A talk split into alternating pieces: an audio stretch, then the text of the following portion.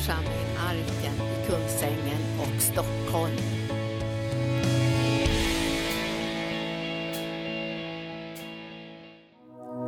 Vi ber om en ande av uppenbarelse nu Herre. Kom med uppenbarelse Herre. Vi ber om det Herre. Vi ber om att du ska låta var och en få se Herre. Hur välsignade de är, hur rika de är Fader.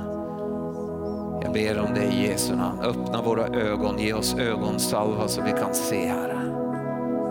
I Jesu namn. Amen. Halleluja. Tack ska ni ha lovsångare. Ja, halleluja. Nu ska vi ha det kul här. Ehm, jag tänker på förra söndagen så ledde jag mötet och talade om jättar. Jag vet inte om, har ni mött några jättar den här veckan? Jag har i varje fall gjort det och jag praktiserade det jag undervisade om. Så, så fort han dök upp så vände jag blicken och såg på något annat.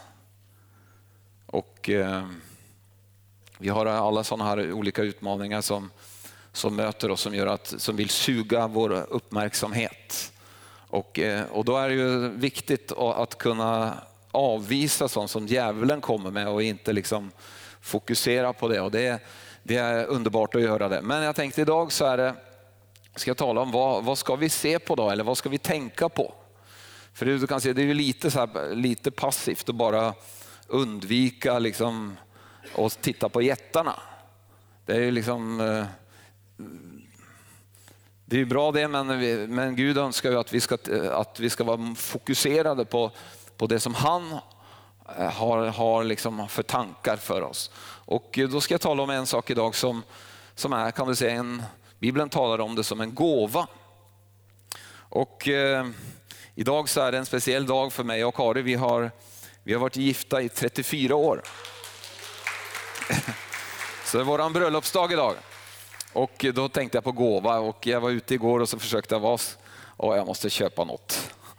Men du vet, efter, efter 34 år är det nästan omöjligt att hitta någonting. Liksom.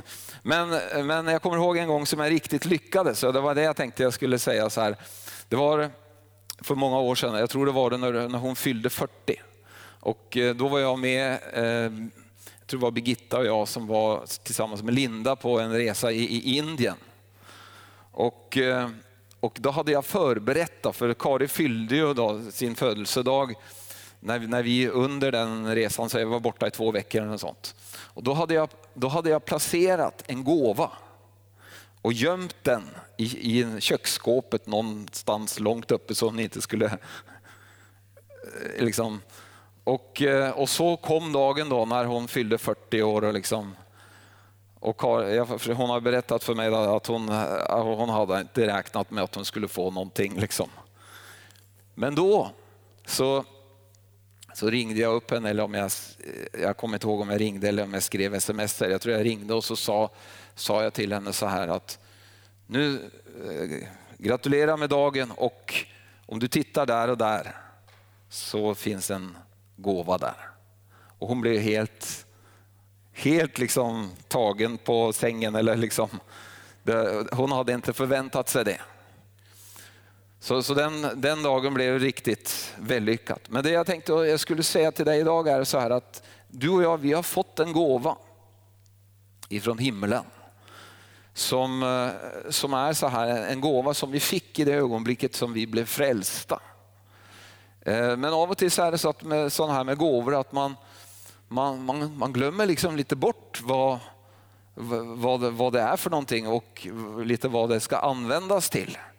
Och, eh, och det, vi ska titta på en gåva som du har fått när du blev frälst. Om vi tittar på, eh, om du följer med mig till Romarbrevet, det femte kapitel. Och vers 17 så står det följande. Ty om en endas fall gjorde att döden fick herravälde genom denne ände. hur mycket mer skall då inte de som mottar den överflödande nåden och rättfärdighetens gåva. Regera i liv genom denne ende Jesus Kristus. Så här säger Paulus att vi har mottagit, vi har fått denna överflödande nåden och rättfärdighetens gåva. Och Det här var en gåva som du och jag fick i det ögonblicket som, som vi blev frälsta. Eh, och du kan säga att det är den gåvan som, som ger oss tillträde till himlen. Och det är ju många som, som, eh, som inte har, har någon mer användning för den rättfärdighetens gåva än att de kommer till himlen. Men det är väldigt synd. För du kan säga att för en rättfärdighetens gåva är, det är en, det är en gåva som, som, som du kan använda här, här på jorden och som, är, som faktiskt Gud har tänkt att du ska liksom använda dig av här på jorden. Och jag, jag kommer så ihåg, jag växte upp i jag blev frälst när jag gick i, gick i konfirmation och eh, sen så växte jag upp i ett sånt lite lutherskt sammanhang. Och eh, nu var ju Luther han var ju känd för rättfärdigheten men du kan säga att det, det, i, den sammanhang, i, i sammanhang som jag levde så, så var det i varje fall inte så att det, de hade tro på någon rättfärdighet som vi kunde få del av här. Alltså, den läran de hade var ju att det var, jag var lite syndare och lite, rätt, lite rättfärdig. Så när jag en dag då sa till mina kompisar att jag är rättfärdig, så blev de ju, de blev ju, de tyckte jag, jag var så högmodig. Alltså jag, jag hade fått se, jag hade fått uppenbarelsen att Gud hade gjort mig rättfärdig. Och, och, och det liksom, men det som hände var ju att mitt liv började att förändras. Och eh, nu, det var inte så länge sedan eh, som, eh, som jag var i vissa kretsar där de hade lite ja, samma tankar då. Eh, om det här med rättfärdighet. Att, eh, att man kan inte säga att man är rättfärdig. Och du förstår att jag ber helt annorlunda än de ber. Jag, alltså, eh, min, min bön som rättfärdig man, den är helt annorlunda än de andra som ber som liksom syndare. Och, eh, och det, det blev så tydligt. Och jag, kom, jag hjälpte min, min bror lite i och var med eh, i ett skede där, liksom där ja, de, de började be för någon som var sjuk. Då.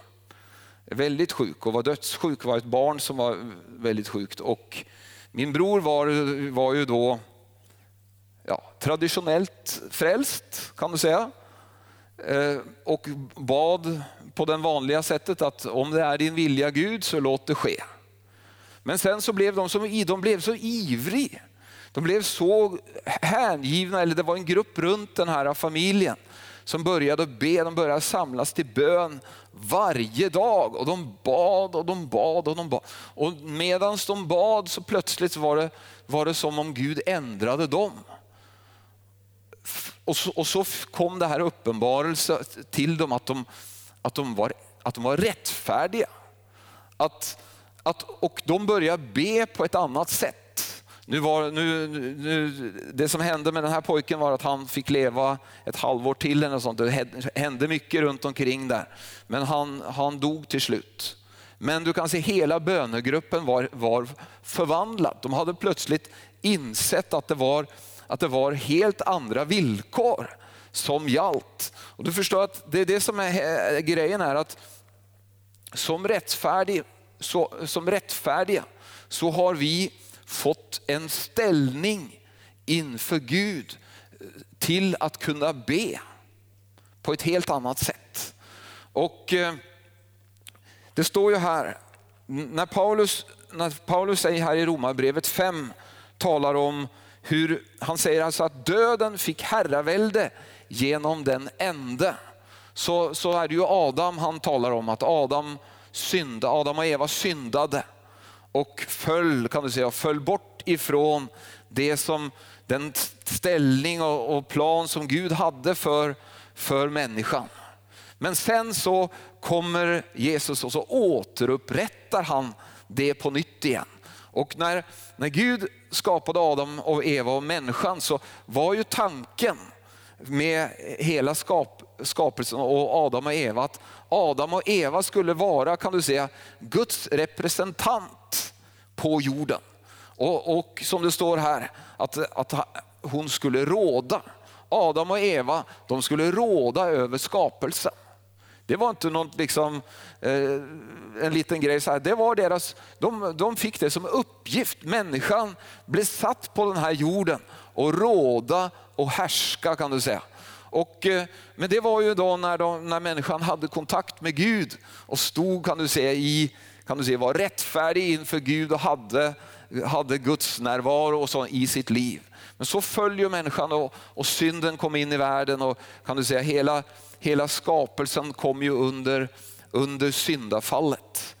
Och eh, människans plats liksom eh, eller människan förlorade sin plats till att råda och härska. Men sen så återupprättar Jesus, Jesus det genom att ge dig och mig den överväldigande nåden och rättfärdighetens gåva. Vet du vad, den här gåvan, det är en sån gåva som kan, som kan liksom, eh, om du inser vad den här gåvan verkligen betyder för någonting, så har du det som, som ska till för att kunna ändra dina omständigheter. Du har det som, det som ska till för att liksom, eh, Eh, med frimodighet kunna, kunna be på ett sådant sätt. Om du förstår vad det betyder att, att du har rättfärdighetens gåva så kan du på ett helt annat sätt be dina böner. Och eh, eh Jesus, han, han kom ju sänd av Gud kan du säga, och var Guds, Guds eh, lamm som kom till den här världen. Och han kom med, han kom med ett syfte var för att försona världen med sig själv och, i, och att återupprätta människan tillbaka till den här eh, tanken och planen som Gud hade från början. Och eh, Jesus var Jesus var en, en människa utan synd. Han kom, klev in i den här världen på ett speciellt sätt. Han blev född av jungfru Maria. Han var alltså inte i, han bar alltså inte på någon synd när han kom in i världen. Han kom som den, eh, som den andra Adam, eller han blev född, han var andra människan som kan du säga blev, blev skapad in i världen utan synd. Och sen så levde han, han klarade av, han klarade av det som Adam inte klarade av. Han levde och, och gjorde rätta val i allt det han gjorde. Och vi tänker ju ofta att ja, men Jesus var ju Gud. Jo, han var Gud men han la av sig sin härlighet. Och han levde under de samma begränsningarna som, som Adam och Eva, eller som, som dig och mig. Men så gjorde han allt rätt. Han gjorde alla val, han, han, i sitt liv gjorde han rätt. Och när han då, när han då hade Eh, blivit 30 år ungefär så kom han ut i tjänst. Och vi vet vad som hände när, när anden kom över honom och Herre, Gud öppnade himlen och sa att detta är min älskade son, i honom har jag mitt välbehag. Alltså Jesus han, han hade Guds välbehag och Jesus, Jesus var en rättfärdig människa. Och eh, så, så när, när, Jesus går runt omkring så står det att Jesus han gick runt och gjorde gott och botade alla de som var under djävulens våld. Till Gud var med honom. Alltså Herren han smorde han med den helige ande. Och det här gjorde han i, i egenskap av att han var en rättfärdig människa. Och när, när Jesus då avslutar sitt liv så helt medvetet så går han och, och så tar han din och min plats.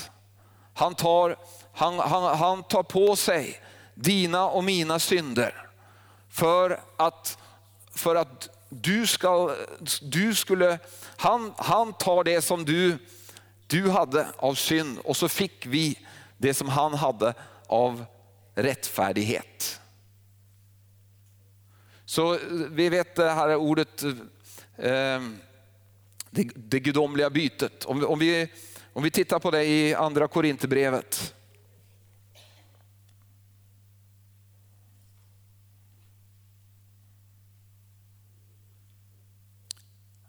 Andra Korinthierbrevet, det femte kapitel och vers 21.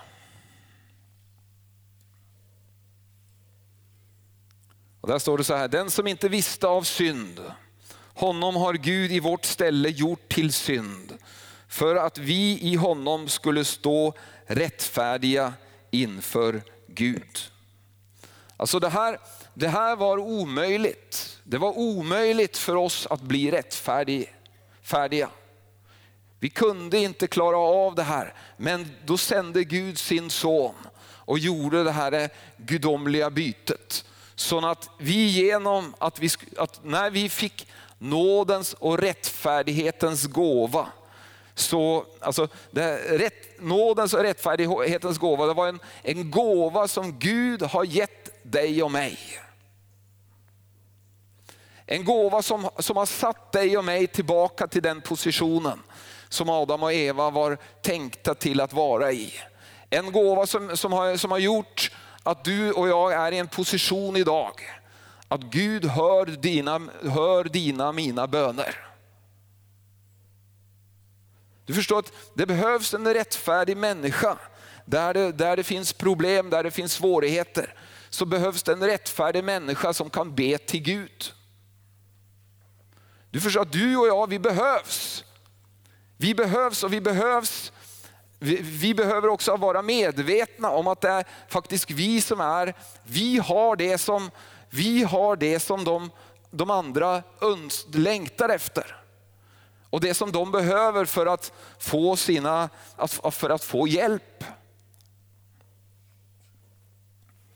Eh, det står i, om, om du följer med mig till Johannes 15.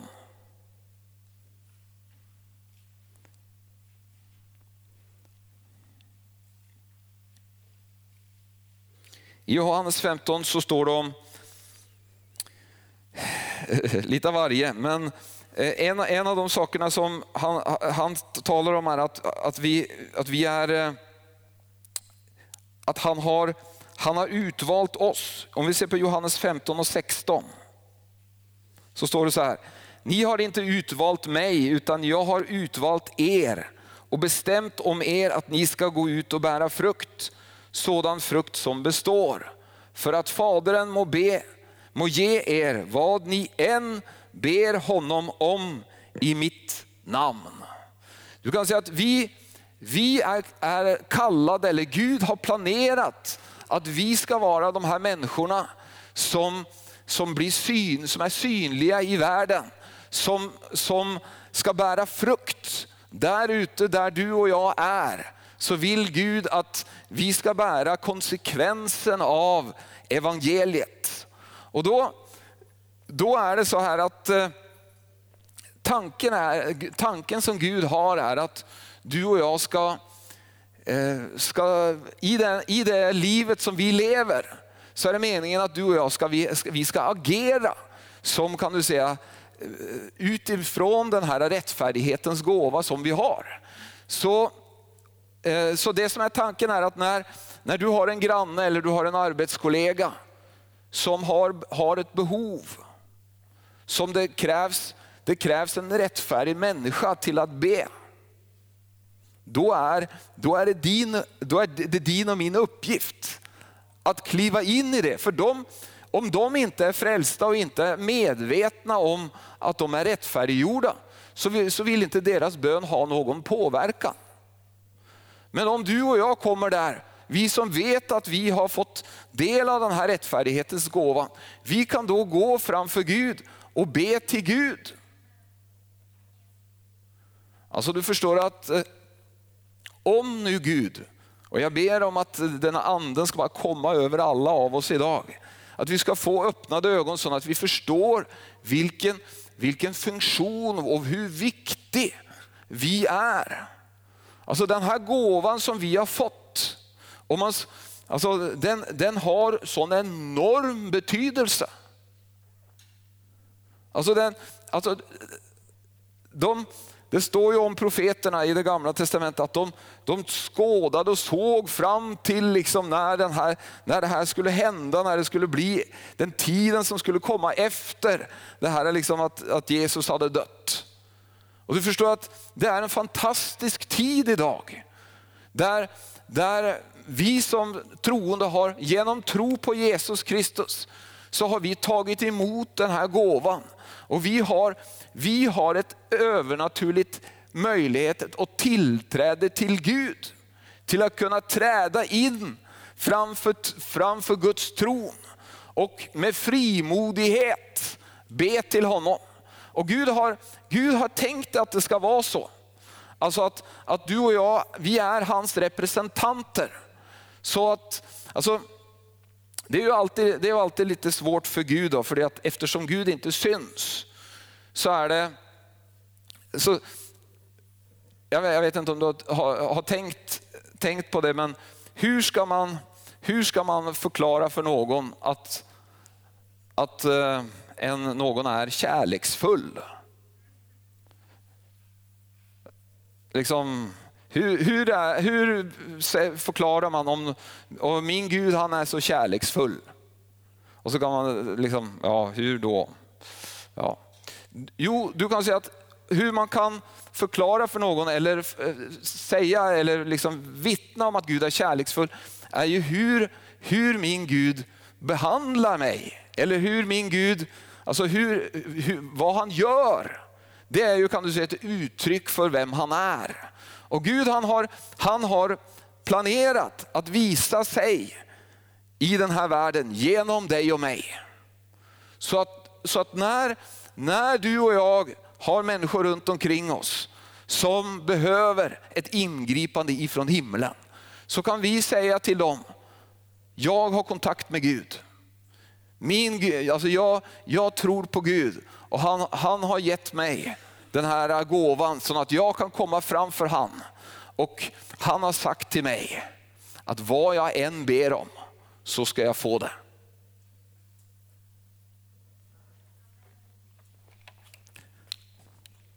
Ska vi se var det står?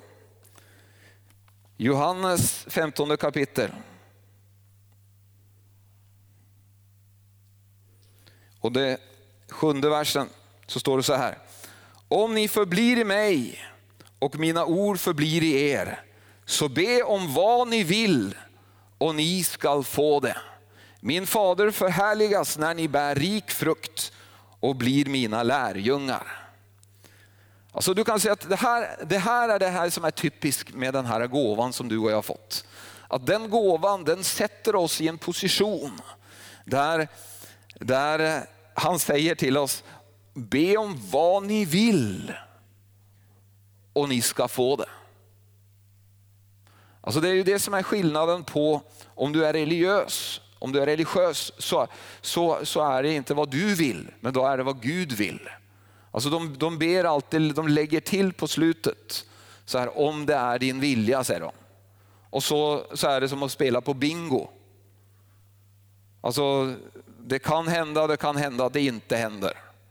Men du kan säga att det som Jesus säger, eh, förklarar är att vi har blivit satta i en, i en position där, där, där våra böner är, är verksamma. Om du, om du tittar i, i Jakobs brev, Jakobs brev femte kapitel. Ska vi se.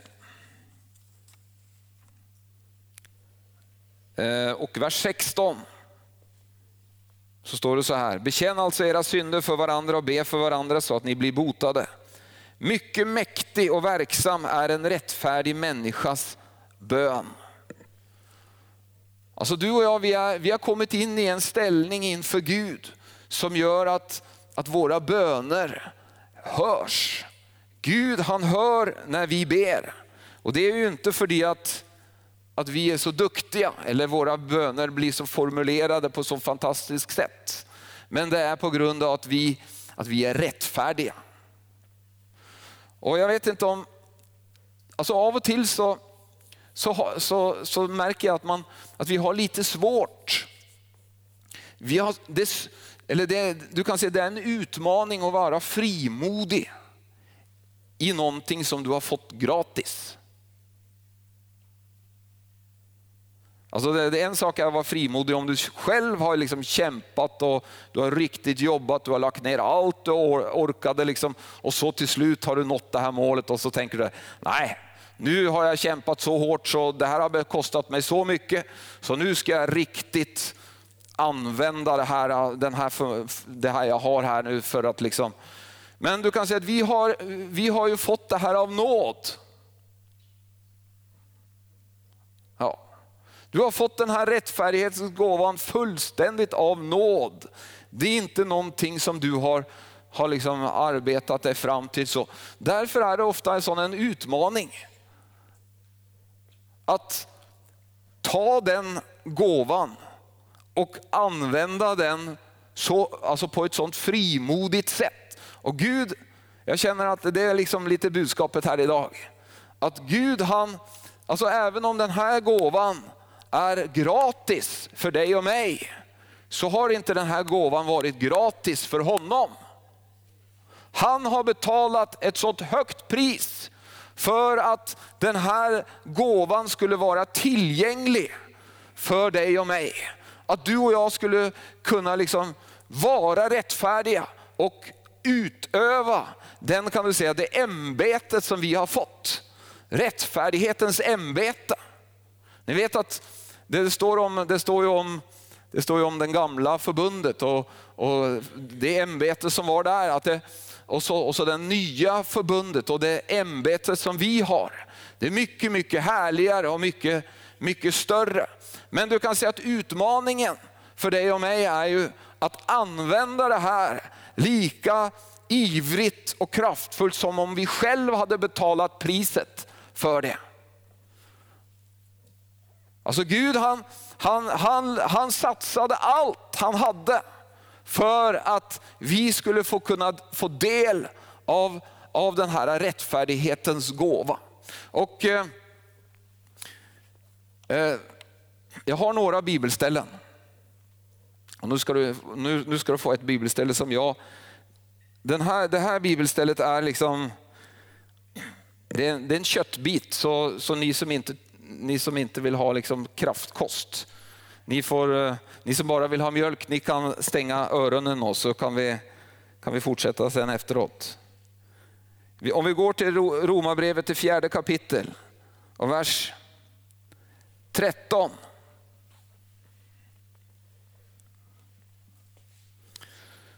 Och där står det så här.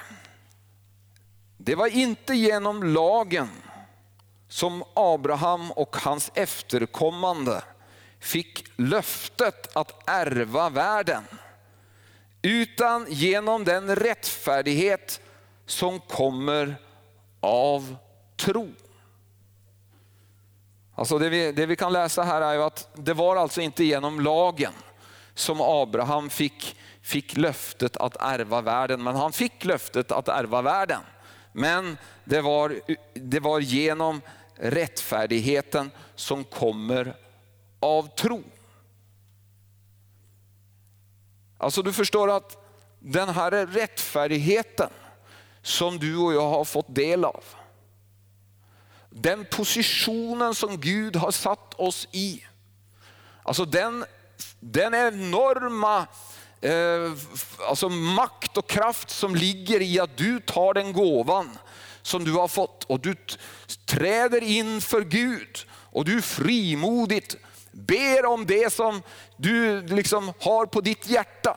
Det står ju, ha din lust och glädje i Herren så ska han ge dig det ditt hjärta begär.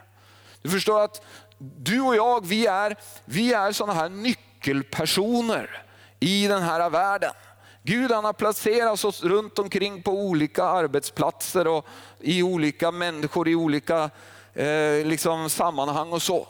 Men han har, han har planerat och tänkt att vi ska vara de här personerna som när det kommer upp ett behov där ute, när det är någon som behöver ett mirakel, När det är någon som behöver ett ingripande ifrån himlens Gud, så finns det en rättfärdig person i närheten.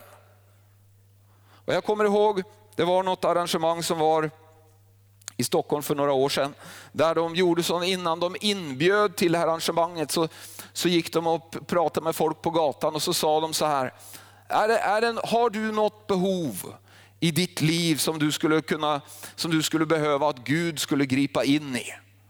Är du i behov av någon typ av mirakel? Eller är, fin, finns det någonting i ditt liv som du skulle, vi skulle kunna be för? Och då var det alltid, alla, alla har någonting som de skulle behöva ett ingripande infrån Gud från. Och du förstår att Gud han, han, han är inte sån att han, han liksom, att du måste, du måste bli frälst först eller du måste liksom du måste komma in i församlingen innan vi kan få bönesvar. Om du är där och du är rättfärdig så kan du gå inför tronen och du kan be frimodigt. Och sen när de får det här bönesvaret så är det ju liksom nästa steget är ju då liksom, ja vad, vad, vad, vad nu då? Oj, Gud finns. Han, han finns. Så det, det, jag tror att det här är liksom en, en nyckel i att nå människor med, med det som vi har. Och eh, det, är ju, alltså, det är ju sanning det här. Alltså, vi kan be på ett helt annat sätt än de andra eftersom Gud har satt oss i en position att vi ska, vi ska ärva världen genom rättfärdigheten, genom tro. Alltså genom att vi helt enkelt tror på Jesus. Och Det är ju det som egentligen är, är utmaningen då när man eh, alla religiösa håller ju på hela livet egentligen för att bli rättfärdiga. Medan vi, vi tar ju emot rättfärdighetens gåva på starten. Och så, och så har vi utmaningen att använda den.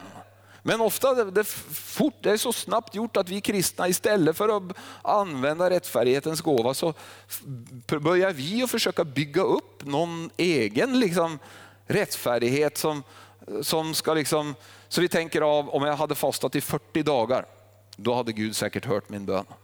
Eller om jag hade bett lite mera på morgonen, om jag hade kommit upp tidigare eller om jag hade, om jag hade gjort det eller hade jag gjort det. Och så tänker vi liksom, och så fort så är man inne i en sån där, och då får, alltså, så fort det blir fokus på vad du, vad du klarar av, då vill du alltid vara liksom under mått.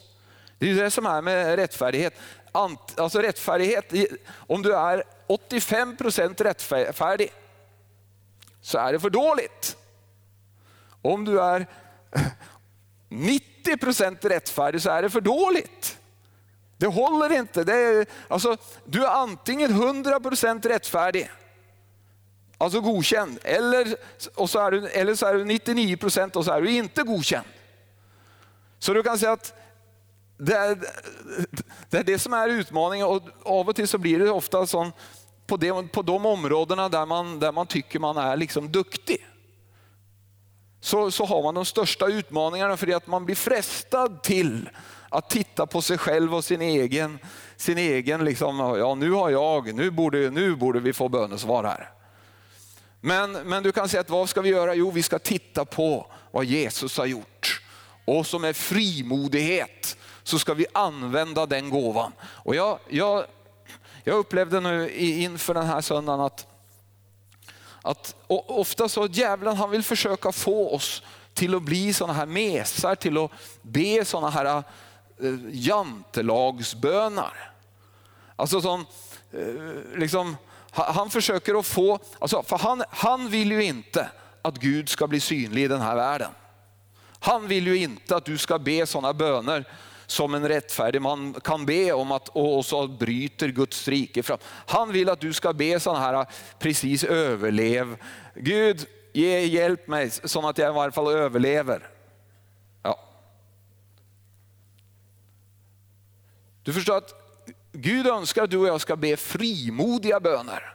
Och Det finns sådana här löften som, alltså pastor Gunnar brukar säga så att det är för bra för att vara sant. Och, alltså i, Eh, Johannes 14 och 12.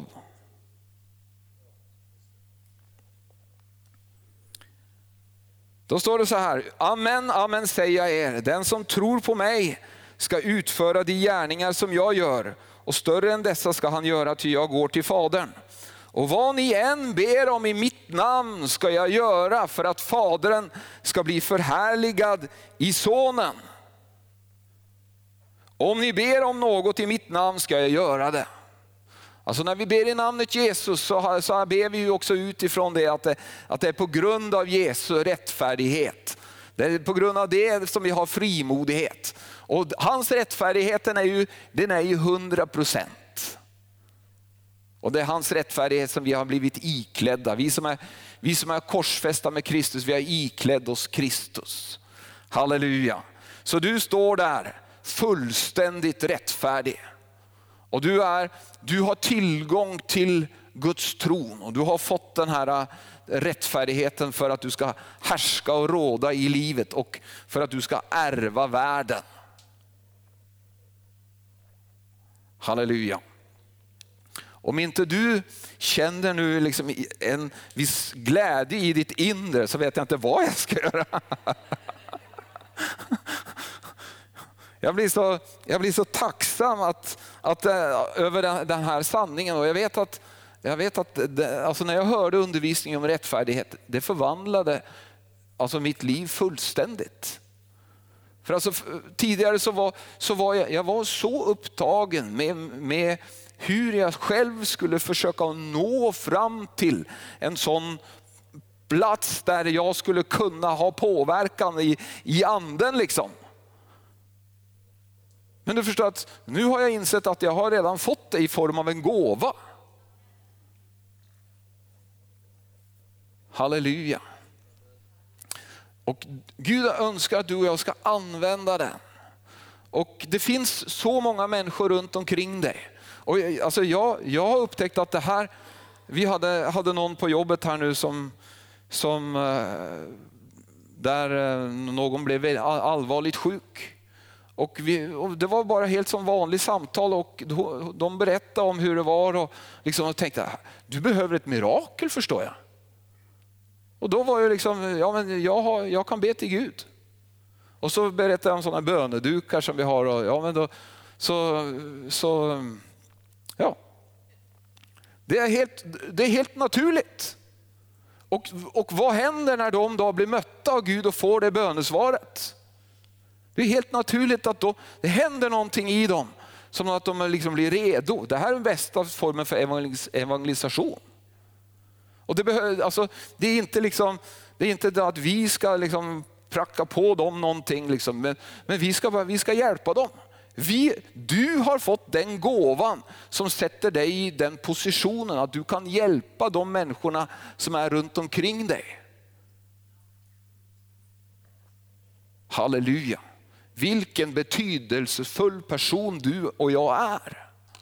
På en arbetsplats för exempel, så är alltså att ha en som dig där, som kan träda in för nådens tron och göra dina önskningar kunniga.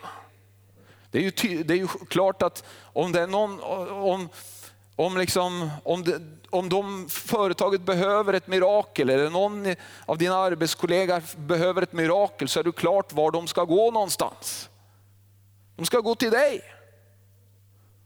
Så du kan ju, man kan ju säga så här, ja, jag, jag kan be för dig. Jag kan be för det där. Om det är lite jobbigt med, eh, på, på, jobbet och eh, ja, vad det nu är för någon, så kan man säga till chefen att jag kan, be, jag kan be till Gud. Gud hör mina böner.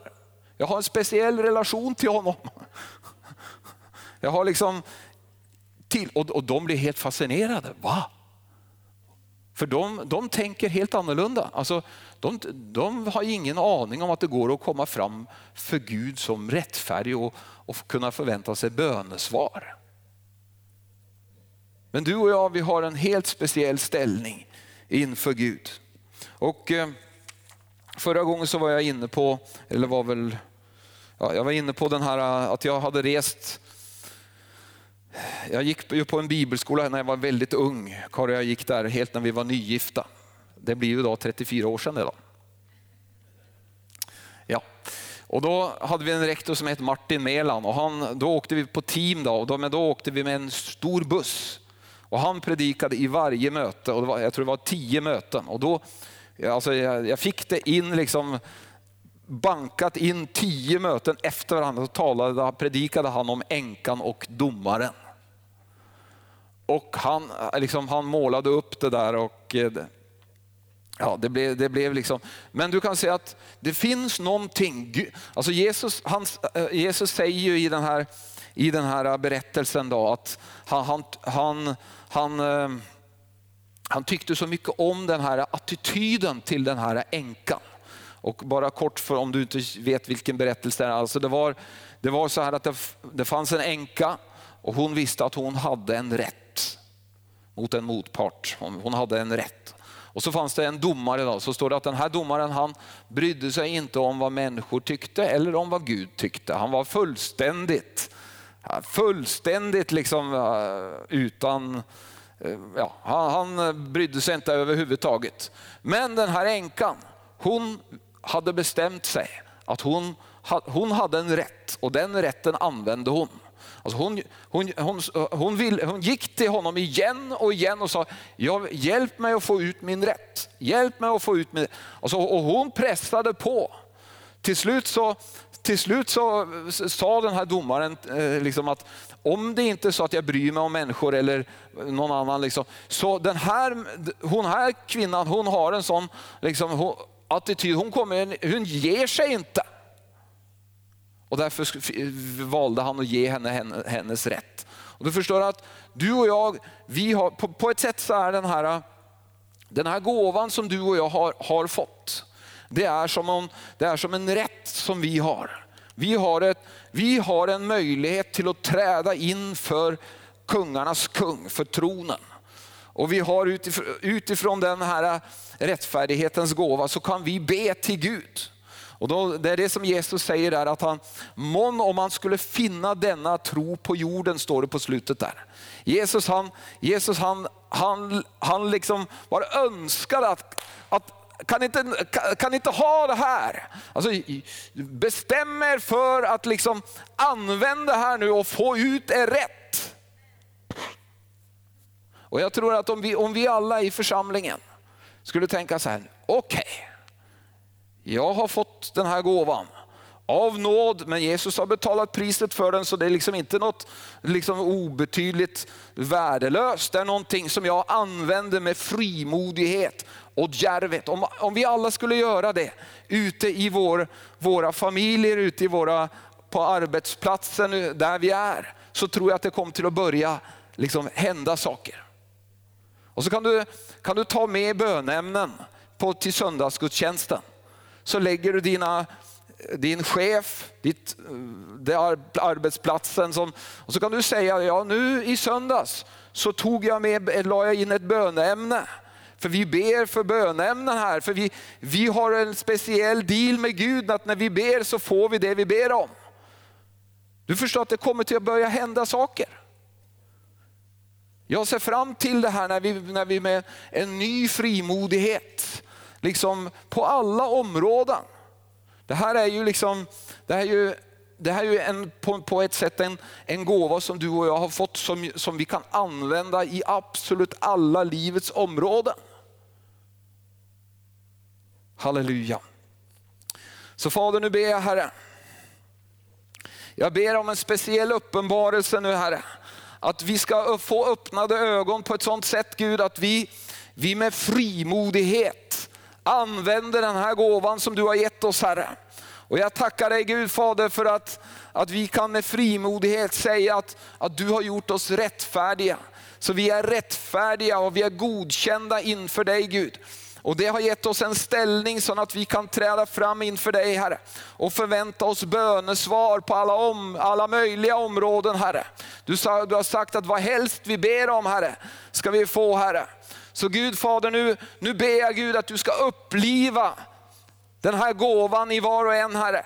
Och jag ber om att var och en ska bli så ivrig Herre med att använda den Gud, Herre. I Jesu namn så ber jag Herre. Jag ber om att det ska komma en iver över hela församlingen Herre. Att, vi, att var och en ser att de har fått en speciell ställning inför dig Fader. Och att de ska använda den med frimodighet Herre. Vi ber om det i Jesu namn. Tack Fader, tack Fader. Halleluja. Åh Fader vi tackar dig Gud nu. Halleluja.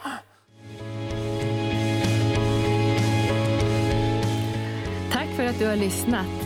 Vill du få del av mer information om församlingen Arken, vår helande tjänst, bibelskola och övriga arbete, gå in på www.arken.org.